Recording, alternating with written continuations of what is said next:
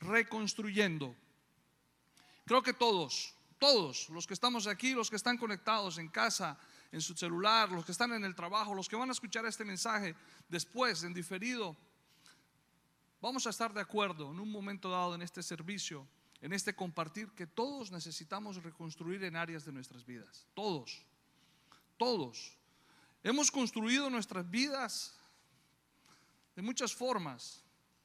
Hemos construido nuestras vidas en muchas áreas de la mano de Dios, pero en muchas otras áreas las hemos construido como a nosotros nos ha parecido, como nosotros hemos creído que nos conviene, como nosotros hemos pensado e incluso hemos estudiado, como incluso el sistema nos ha enseñado, como las universidades nos han enseñado. Hemos construido en muchas áreas de nuestras vidas y, nos hemos estrellado también en muchas de ellas. Y nos hemos dado cuenta que las cosas no salieron a veces como nosotros queríamos. En áreas, quizás nos encontramos frustrados en áreas. Y debido a eso, pues nos hemos resignado. En otras nos hemos acomodado. En otras quizás nos hemos conformado. Y en, y en, esa resignación, conformación, comodidad, frustración, hemos querido seguir construyendo y hemos querido seguir avanzando.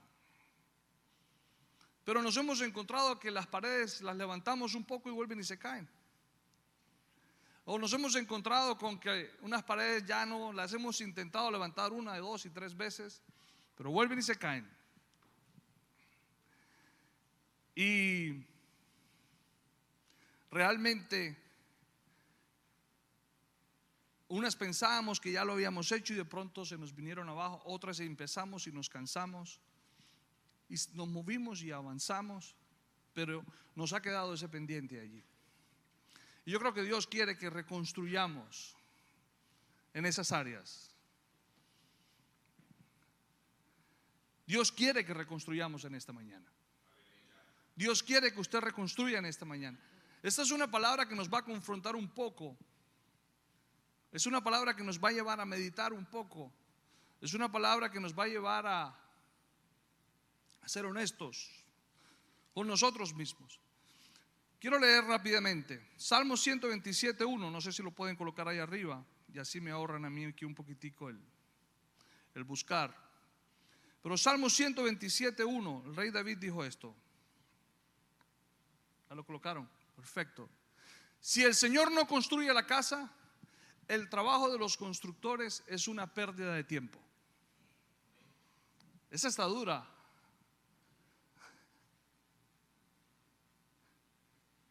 Si el Señor no construye la casa, el trabajo nuestro de construir lo que hemos querido construir es una pérdida de tiempo. Es una pérdida de tiempo. Y dice, si el Señor no protege la ciudad, protegerla con guardias no sirve para nada. En otras palabras, lo que hemos querido construir con nuestras manos, con nuestras formas, con nuestras ideas, con nuestros planes, con nuestra agenda, se convierte en una pérdida de tiempo. Lo que, hemos querido proteger con nuestros recursos, con nuestras amistades, con nuestro dinero, con nuestra fortaleza, con nuestras relaciones, no sirve para nada. ¿Qué otra manera podemos interpretar esto? Todo lo que querramos, lo que hemos querido hacer sin Dios, no va a prosperar. Usted y yo no tenemos escapatoria. En Juan capítulo 15 dice que porque no me escogieron ustedes a mí, sino que yo los escogí a ustedes. Él nos escogió a nosotros. Él fue quien nos escogió a nosotros. Él fue quien, él fue quien vino y nos alcanzó. Y Él quiere que construyamos con Él. Él no quiere que perdamos el tiempo. ¿Cuántos aquí han sentido en un momento dado qué pérdida de tiempo? No me di cuenta, ya es junio y se me fue la mitad del año. ¿Cuántos dijeron eso en junio? Dios mío, ya entramos en los meses de septiembre, octubre, noviembre. Cuando llega septiembre ya está diciembre a la vuelta. Se nos fue el año. ¿Y yo qué hice este año? Pero a mí el Señor me enseña, la palabra me enseña que Él no quiere que perdamos el tiempo, Él quiere que construyamos con Él. Y otra cosa que me enseña este versículo es que todo lo que nosotros hagamos, Él quiere que tenga un sentido, un propósito y que preste un servicio eficiente para nosotros y para todos aquellos que nos rodean. Lo último que Él quiere es que lo que nosotros hagamos no sirva para nada. Es lo último que Él quiere. Salmo 127, 1. Entonces, para todas esas áreas de nuestras vidas en donde sabemos que quizás hemos perdido el tiempo, que quizás no han servido para lo que queríamos o esperábamos, o no han servido para nada, en esta mañana Dios te dice, vamos a reconstruirlas. ¿Quiénes quieren reconstruir con Dios? Yo quiero reconstruir con Él. Yo quiero reconstruir con el Señor. Para eso nos vamos a ir a Nehemías. Nehemías. Nehemías, un hombre impresionantemente brillante. Nehemías aquel hombre que escogió el Señor para reconstruir las murallas de la ciudad. Nehemías, el copero del rey. Nehemías era copero del rey, era un hombre de, de una muy buena relación con el rey. Para ser copero del rey se necesitaba confiar. O sea, el rey era la primera persona de confianza del rey. El copero del rey estaba dispuesto a dar la vida por el rey. El copero del rey tenía que probar todos los alimentos que el rey iba a consumir. Y si estaban envenenados, el primero que moría era el copero. Así de escudero era Nehemías. Y a ese nivel el rey confiaba en Nehemías. ¿Se imaginan la relación que había allí? Era un hombre que estaba muy bien socialmente relacionado nada más y nada menos que con el rey. Ya se imaginan las comodidades y la calidad de vida que Nehemías tenía. Las relaciones y con la gente con la que Nehemías se codeaba. ¿Verdad? Pero Nehemías había sido escogido por Dios. Y Nehemías era consciente de eso, que el Señor lo había escogido a él. Nosotros yo pienso que para poder reconstruir en nuestras vidas, en esas áreas que necesitamos reconstruir, necesitamos ser conscientes que ha sido Dios quien nos ha escogido a nosotros.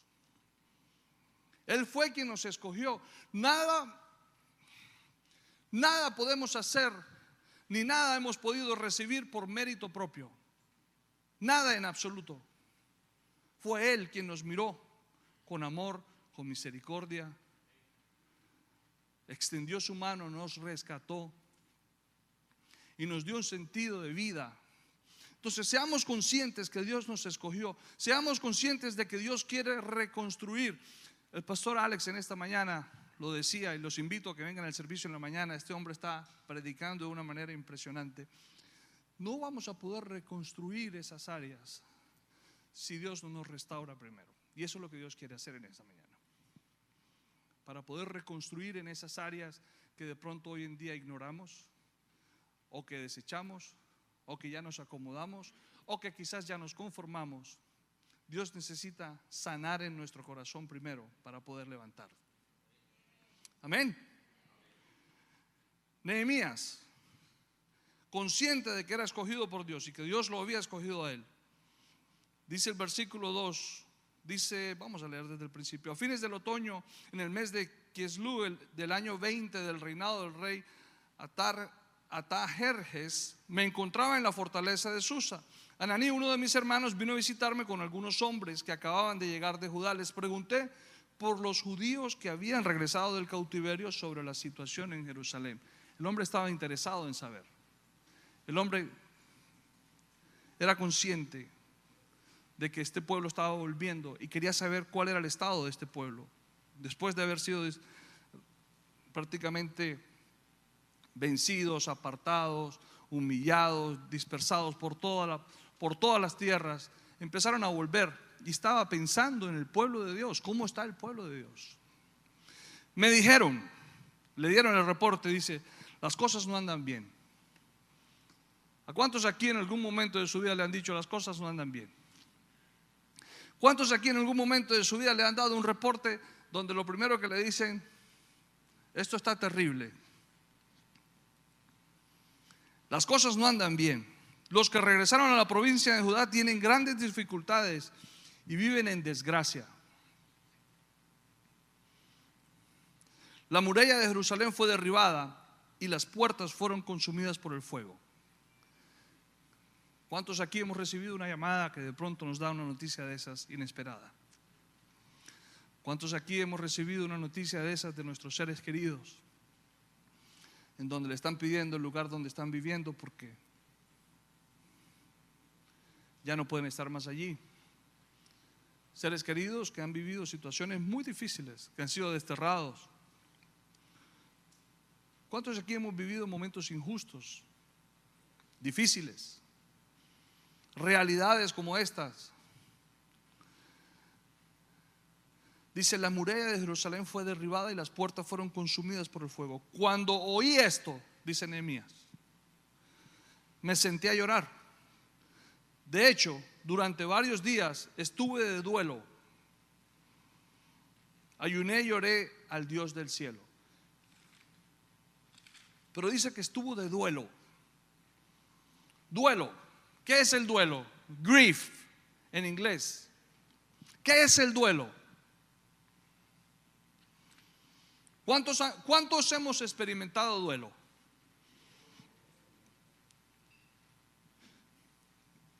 El duelo no solamente se experimenta cuando un ser amado muere. Quiero explicarles esto. También el duelo se experimenta cuando sueños mueren. Cuando hemos planeado la vida de alguna manera y no sale como la planeamos. Y como decimos, como decimos en Colombia, y se nos cae la estantería. ¿Verdad? Se nos cayó la estantería. Se nos viene abajo todo el plan. Se nos viene abajo todo lo que habíamos pensado.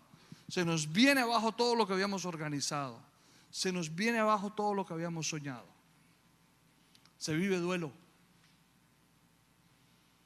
¿Usted quiere saber si ha vivido duelo?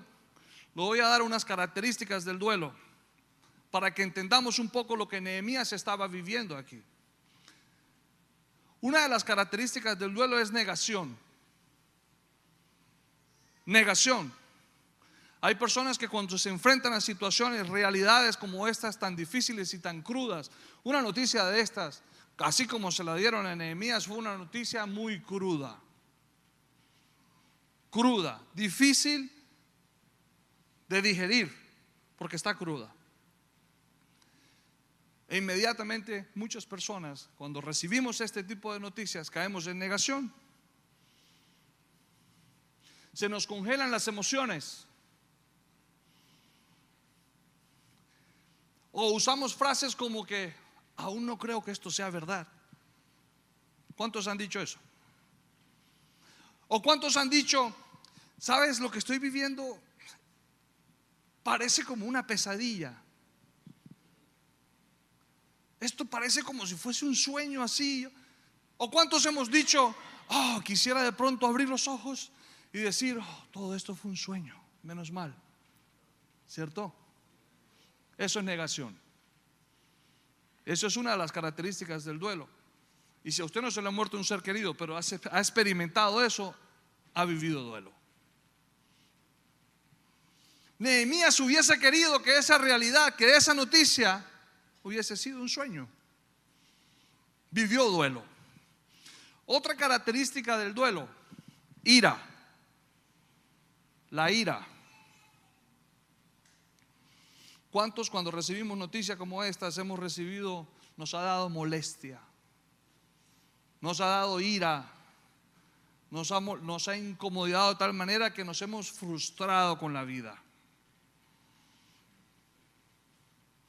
A mí, yo voy a tener que dejar de hacer esto porque yo creo que esto nada más me ha pasado a mí, ¿verdad? Voy a tener que dejar de preguntar porque siento que esto nada más me pasa a mí, entonces nos hemos frustrado con la vida. Yo he tenido momentos en donde yo he dicho, ¿sabes qué? No quiero más. No quiero más de esto. No voy más. Yo he tenido momentos en donde le he dicho a mi esposa, no más y no más. Y no, ah, no con ella, me refiero a lo que estoy viviendo. Quiero hacer la aclaración porque más de uno casi se le salen los ojos. Sin mi esposa no puedo vivir, la amo. Me dice ella, no digas eso. Me dice ella, no digas eso. Sin Jesús no puedes vivir. Y tiene toda la razón. Pero igual la amo. Le he dicho, no voy más. Estoy hasta aquí. Frustrado, molesto. ¿Cuántos en medio de la ira empezamos a experimentar la culpabilidad y le echamos la culpa a otros? Es que la culpa es de esa persona. Si no hubiese dicho nada. ¿Quién lo manda a abrir la boca? ¿Y por qué estaba ahí? ¿Quién lo invitó? ¿Para qué me tuvo que dar like en las fotos? Me metió en problemas si supiera lo que me provocó con ese like.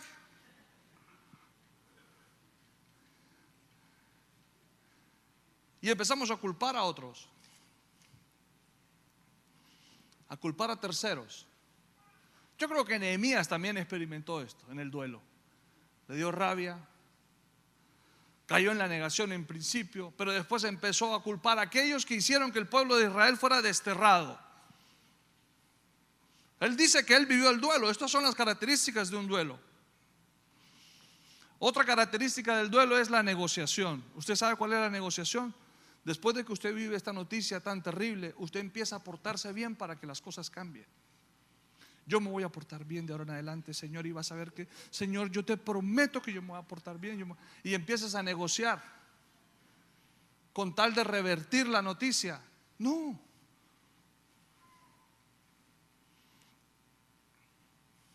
Otra característica del duelo, depresión.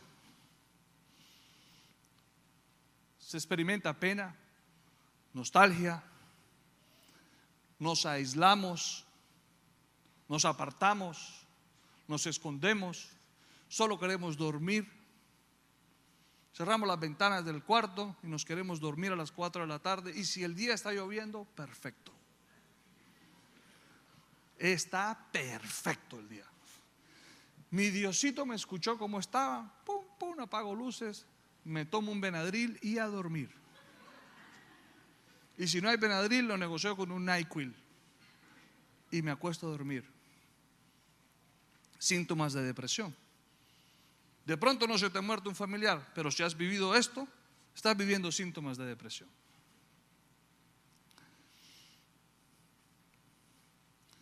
La depresión también tiene que ver con pérdida de interés. Si ustedes se dan cuenta, hay áreas en nuestras vidas en donde nosotros hemos dicho, bueno, no se pudo, no se pudo, y nos rendimos rápido. O hay veces que hemos dicho, no me fue tan mal y nos conformamos. O hay veces que hemos dicho, no importa, yo sigo para adelante. Y soltamos y perdemos el interés por aquello que tanto daño nos ha hecho y no sanamos. Y queremos seguir construyendo y no entendemos por qué esas paredes se nos siguen cayendo. Y es porque no hemos sanado. Pero el duelo también tiene una característica. Y allí necesitamos llegar todos para poder avanzar de verdad. Tiene que ver con la aceptación. La aceptación. La aceptación tiene que ver con una calma o una comprensión. No solamente a nivel racional. Con esto quiero decir, no solamente con que lo entendamos es suficiente, sino que esto se tiene que reflejar a nivel emocional también. Es más, lo voy a decir de otra manera. Para que esto se pueda reflejar a nivel emocional, tiene que pasar primero aquí en la mente. Tenemos que entenderlo. Tenemos que aceptarlo.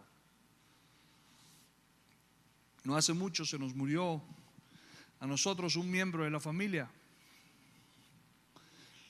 Les voy a decir la verdad, yo pensé que yo era un empty nest, era un, matrimonio ya con el nido vacío porque mis hijos se habían ido. Y mi esposa y yo decíamos que éramos empty nest, pero teníamos con nosotros a Milo. Si ustedes quieren conocer a Milo, vayan a las redes sociales y ahí lo van a ver. Es un viejito barbón, con unas cejas hermosas y unos ojos que hablaban por sí solos un schnauzer, que no era un schnauzer regular ni era de miniatura, yo no sabía lo que era, pero era bello. Vivió con nosotros 15 años.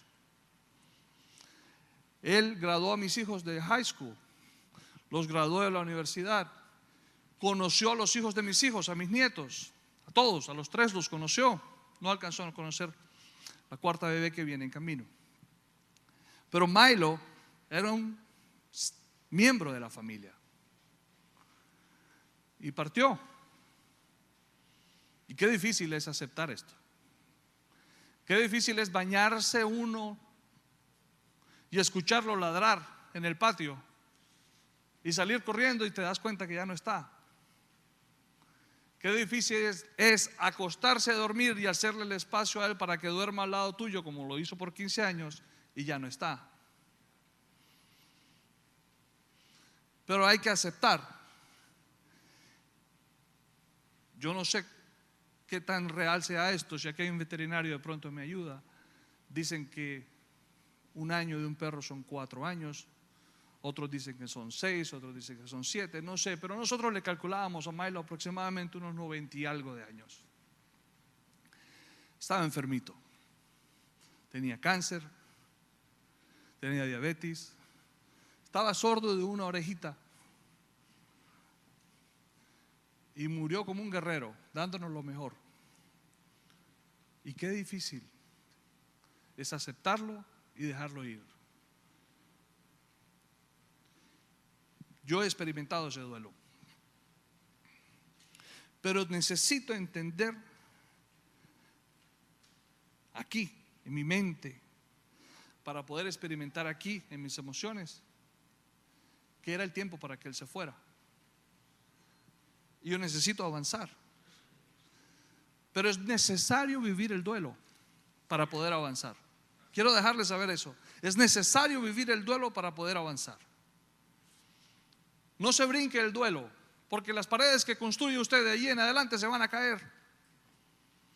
No brinquemos ese duelo y no lo pasemos por alto, no, lo, no le demos, no lo manejemos como algo de menor importancia. Esto no tiene que ver con con madurez o con carácter. Esto tiene que ver con sensibilidad, con honestidad. Vivamos el duelo y avancemos para poder reconstruir, para poder construir.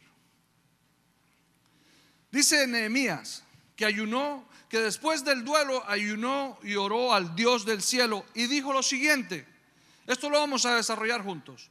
Oh Señor Dios del cielo, Dios grande y temible que cumples tu pacto de amor, inagotable con los que te aman y obedecen tus mandatos. El Señor cumple su pacto. Dios quiere decirte que Él quiere reconstruir contigo en esta mañana porque Él cumple su pacto. Él quiere cumplir con la promesa que Él te dio. Él está dispuesto a cumplir con la promesa que Él te dio. Y su pacto y su promesa está fundamentada en una sola palabra, amor. Hay amor en Dios para tu vida.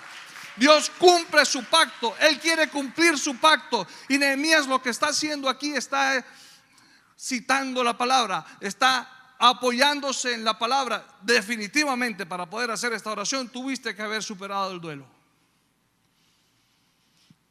Pero Nehemías empieza a hacer memoria del pacto, del Dios del amor. Y dice, Dice, amor inagotable con los que te aman y obedecen tus mandatos.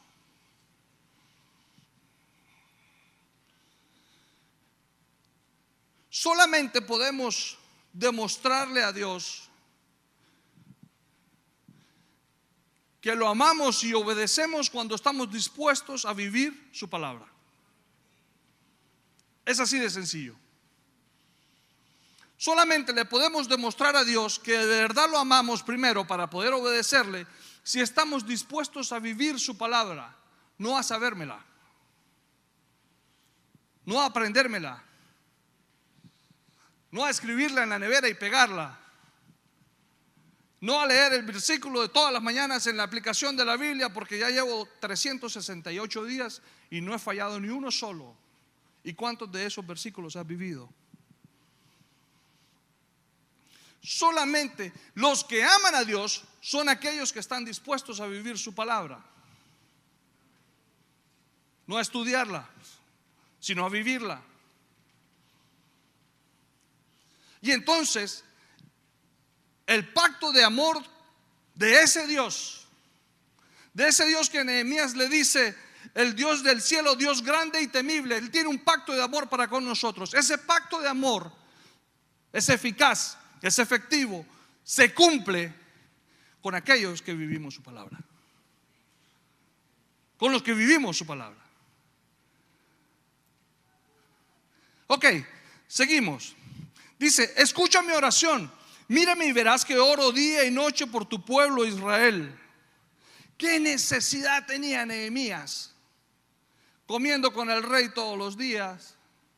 Y no sabía que eso me iba a salir en verso y sin ningún esfuerzo.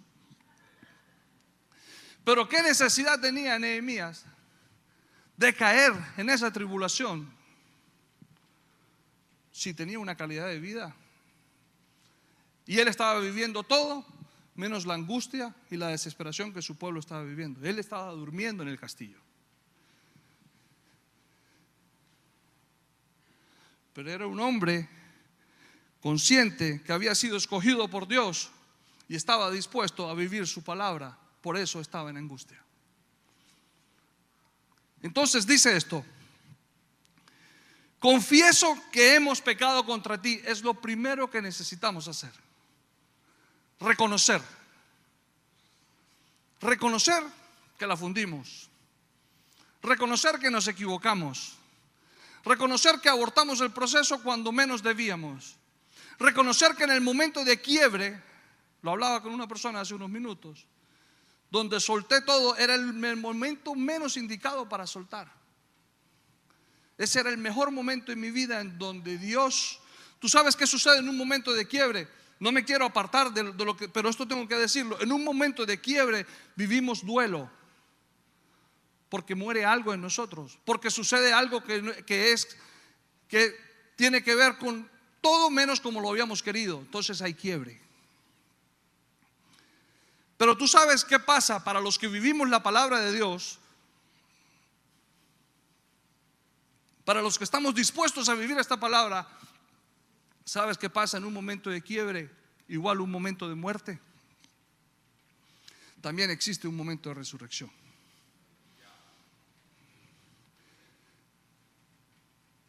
Tienes que esperar el tercer día.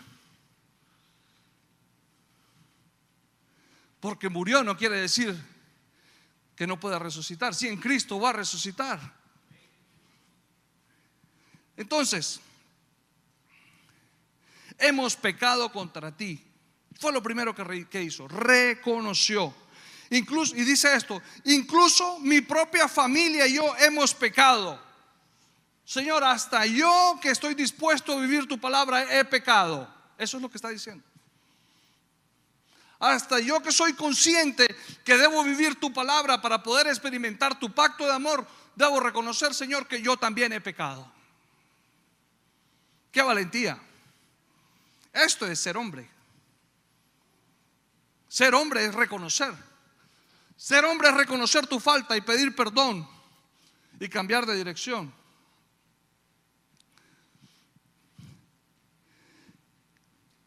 Y después dice, hemos pecado terriblemente al no haber obedecido los mandatos, los decretos y las ordenanzas que nos diste por medio de tu siervo Moisés. Quiero un minuto aquí para decirles lo siguiente. En base a este texto muchas veces nos han enseñado que el Evangelio se trata de hacer. Pero realmente lo que este texto en este versículo lo que me está enseñando es que para, para yo poder vivir la palabra de Dios yo necesito ser transformado. Y eso es lo que él está diciendo. Hemos pecado contra ti porque no hemos verdaderamente vivido tu palabra y por consiguiente no hemos sido transformados. Y como no hemos sido transformados, entonces no podemos obedecer. Pero la religión te enseña que tienes que obedecer. Y la religión te enseña que tienes que comportarte de cierta manera. Y la religión te enseña que tienes que vestirte de cierta manera. Y la religión te enseña que no te puedes subir con zapatos blancos al púlpito. Y la religión te enseña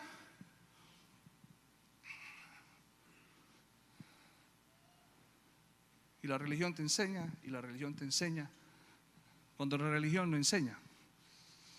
Realmente lo que la religión nos lleva es a autocondenación porque empezamos a juzgar nuestro comportamiento. Y se nos olvida que la palabra de Dios es para transformar nuestras vidas no para juzgar nuestro comportamiento. Para transformar nuestras vidas. Hemos pecado terriblemente al no haber obedecido tus mandatos, porque no fuimos transformados, no hemos sido transformados de verdad, no hemos vivido esta palabra con honestidad, la hemos disfrazado de liturgia y actos religiosos los decretos y las ordenanzas que nos diste por medio de tu siervo Moisés. Y empieza, te suplico que recuerdes, después de, reconocer la falta, después de no esconderse del error, entonces ahora empieza a hablar con Dios de recordar. Te suplico que recuerdes lo que dijiste a tu siervo Moisés. Dos puntos. ¿Están ahí los dos puntos? Sí, están ahí los dos puntos. Dice así, si me son infieles, los dispersaré entre las naciones. O sea, está diciéndole al Señor, Señor, recuérdate lo que le dijiste a Moisés. Si me son infieles, los dispersaré entre las naciones. Permitiré que los destierren, como se dice. Desterren, perdón. Y eso fue lo que sucedió. Eso estaba viviendo el pueblo de Israel en ese momento. Pero punto y coma. ¿Usted sabe qué significa punto y coma? Que es importante lo que está diciendo, pero no ha terminado. Punto y coma quiere decir, esto es importante, porque tú lo dijiste, pero no fue lo único que dijiste. Y el siguiente versículo dice, pero si vuelven a mí, ah, y obedecen mis mandatos y viven conforme a ellos, entonces, aunque se encuentren desterrados, aunque estemos dispersados, aunque estemos por todas las partes regados de la tierra, en los extremos más lejanos de la tierra, yo los volveré a traer al lugar que elegí para que mi nombre sea honrado.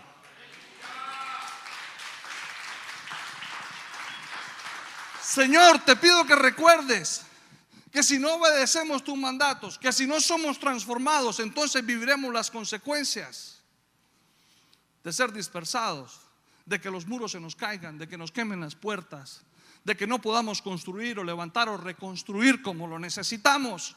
Porque no verdaderamente no estamos viviendo el evangelio de transformación, sino que estamos viviendo un evangelio basado en la conducta.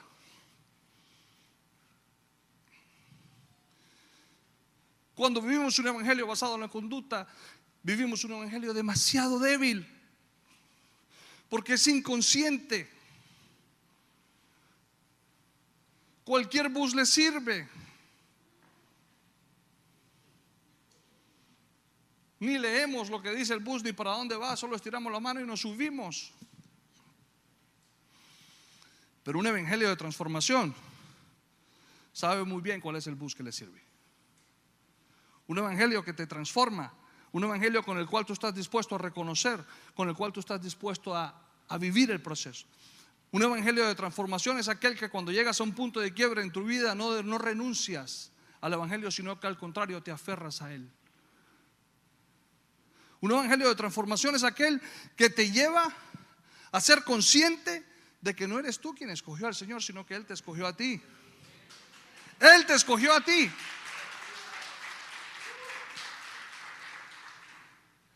¿Sabes qué dice Juan 14.1? Dice, confíen en mí. Jesús les dice, confíen en mí y en mi papá también. Un evangelio de transformación confía en Jesús. Un evangelio de transformación está dispuesto a ser más allá de un cristiano, está dispuesto a ser un discípulo. Porque un evangelio de transformación está dispuesto a seguir a Jesús.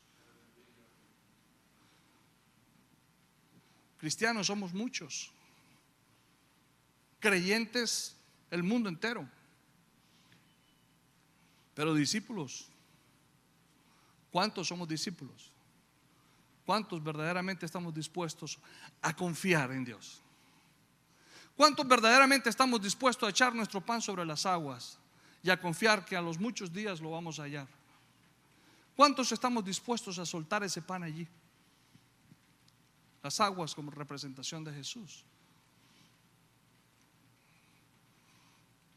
Pero ese pan lo vamos a ver irse. ¿Cuánto estamos dispuestos a dejar ir?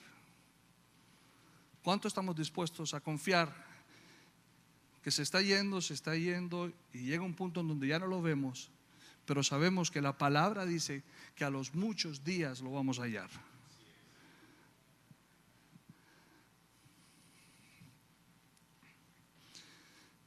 Si nosotros vivimos este evangelio de transformación, entonces, entonces vamos a vivir lo que está después de ese punto y coma. Si vivimos y aceptamos esta transformación, este reto de ser transformados, entonces, aunque estemos desterrados, aunque estemos en los extremos más lejanos de la tierra, yo los volveré a traer al lugar que elegí. Dios quiere cumplir su pacto de amor en tu vida. Dios quiere reconstruir contigo. Dios te quiere sanar. Dios te quiere levantar. Dios te quiere traer de regreso. Pero tenemos que hacer esa parte que nos corresponde. Estar dispuestos. Lo que decía la alabanza, aquí estoy, Señor. Oh, Linda canta hermoso. Y yo creo que nos lleva al cielo a todos cuando ella entona esa alabanza. Y lo sube como lo sube en esas notas que la sube y las emociones se nos mueven tremendamente y nos dan goosebumps, ¿verdad? Escuchar esa alabanza y esa pasión con la cual es entonada. Pero ahora,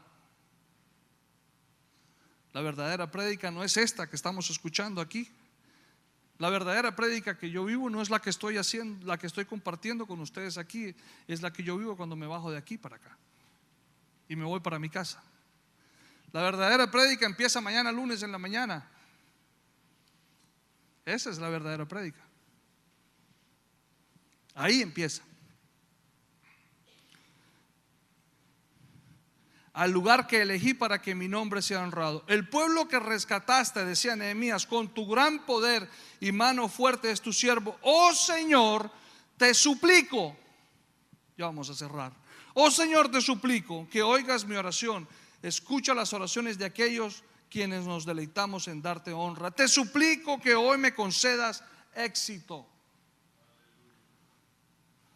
y hagas que el rey me dé su favor. Pone en su corazón el deseo de ser bondadoso. Si le pedimos por favor al grupo de alabanza que suba, vamos a cerrar ya. Vamos a cerrar. Quiero que por favor nos coloquemos en pie.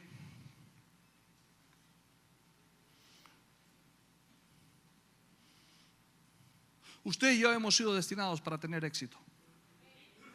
Está en el corazón de Dios que nosotros vivamos éxito. Está en el corazón de Dios que nosotros vivamos el ser otra vez devueltos a nuestro lugar de bendición. Pero no vamos a poder reconstruir si no reconocemos primero. No vamos a poder reconstruir en nuestra vida si no somos conscientes que ha sido Dios que nos ha escogido a nosotros y nos alcanzó a nosotros. No vamos a poder reconstruir en esta, en esta vida, no vamos a poder reconstruir esas áreas de nuestra vida si nosotros queremos seguir haciendo la nuestra. Cansémonos de hacer la nuestra. Cansémonos de hacer lo mismo. Necesitamos ser conscientes, ser honestos y, y reconocer que hemos pecado, que hemos fallado.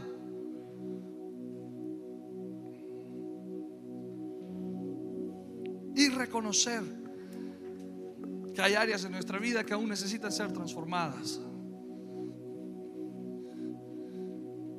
Y reconocer que la justicia de Dios no opera en la ira del hombre. Porque pedimos justicia, somos buenos para pedir justicia. Señor, haz justicia y está uno pensando en la oración y está uno deseando que caiga el serrallo y chupundún. Hasta ahí llegó. Y resulta que la justicia de Dios no opera en la ira del hombre. ¿Tú quieres que Dios haga justicia? Perdona. Perdona. Perdonar Perdonar no es darle la libertad a aquella persona que te hizo daño. Perdonar es liberarte tú mismo.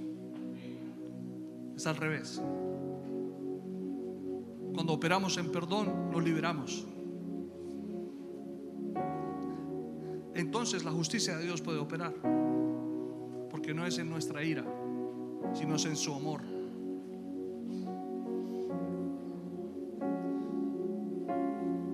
Para las parejas, esposa o esposo que tienes que perdonar, que tu esposa o tu esposo se ha acercado a pedirte perdón. Es la perfecta oportunidad para demostrar el amor de Dios. Es la perfecta oportunidad para que esa mujer o ese hombre experimenten el amor de Dios a través de tu perdón. Es la perfecta oportunidad para que un balsa de amor, de amor cubra su matrimonio.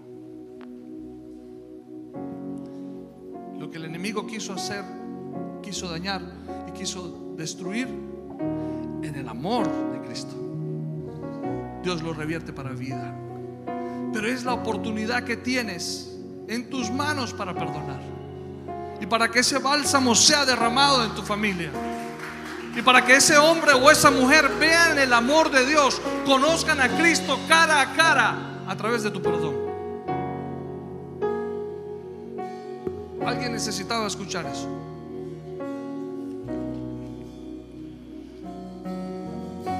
Mateo 7, del 24 al 27. Con esto quiero cerrar.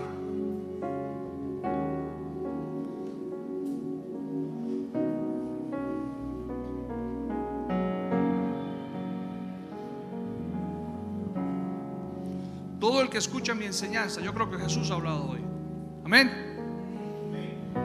Venido hablando mi vida por las últimas tres semanas de una manera que no me deja. Y dice, todo el que escucha mi enseñanza y la sigue es sabio. Todo el que escucha mi palabra y está dispuesto a vivirla es sabio. ¿Usted quiere ser sabio? Vamos a vivir lo que Dios dice. ¿Usted quiere vivir en sabiduría? Vamos a vivir la palabra. A usted que le dijeron que no es que no se iba a aprender ni la tabla del 1. Y que si acaso la del 3 y la del 2 porque esa ya es fácil. A usted que le dijeron que era un bueno para nada. Dios te dice todo lo contrario. Dice que si escuchas mi enseñanza y la sigues, vas a ser un sabio. Como la persona que construye su casa sobre una roca sólida. Esa roca es Jesús. Jesús es la vid verdadera. Hay muchas otras plantas de uvas allá afuera. Hay muchas otras opciones allá afuera. Hay muchas ideas allá afuera. Hay muchos negocios allá afuera. Hay muchas más iglesias. Hay muchas más predicadores. Hay prédicas mucho mejores que estas. Pero la vida verdadera, solo una. Jesús, la roca. Jesús es la roca. Y sobre Jesús debemos construir nuestra casa. Sobre esa roca. Una roca sólida. Dice el 25, aunque llueva a cántaros. Aunque se quiera derramar el cielo suban las aguas de la inundación y los vientos golpeen contra esta casa, no se vendrá abajo porque está construida sobre la roca. Jesús. Vamos a reconstruir sobre Jesús. La vid verdadera, yo soy la vid verdadera y mi padre es el labrador. Yo soy la vid verdadera, yo soy la vid verdadera. No hay otra. Jesús, Jesús es el único. Jesús es el único. Es la mejor opción de vida que tenemos nosotros. Jesús. Cuando Él dice yo soy la vid verdadera, quiere decir que las demás lo están intentando, pero no son la verdadera. La verdadera es solo una. Jesús, la roca sobre la cual vamos a construir y reconstruir nuestra casa. Jesús es la verdad sobre la cual vamos a vivir este evangelio vamos a ser transformados para ser sabios. Sin embargo, el que oye mi enseñanza y no lo obedece, el que escucha la palabra y no la vive, el que se la aprende de memoria, pero no la vive, es un necio como la persona que construye su casa sobre la arena. Cuando vengan las lluvias y lleguen las inundaciones, cuando vengan los problemas, las malas noticias, las llamadas, los inconvenientes, las circunstancias de la vida, cuando la gasolina suba a 5 dólares, cuando estén hablando de recesión, cuando el hijo ya se está graduando de high school y no hay por la universidad.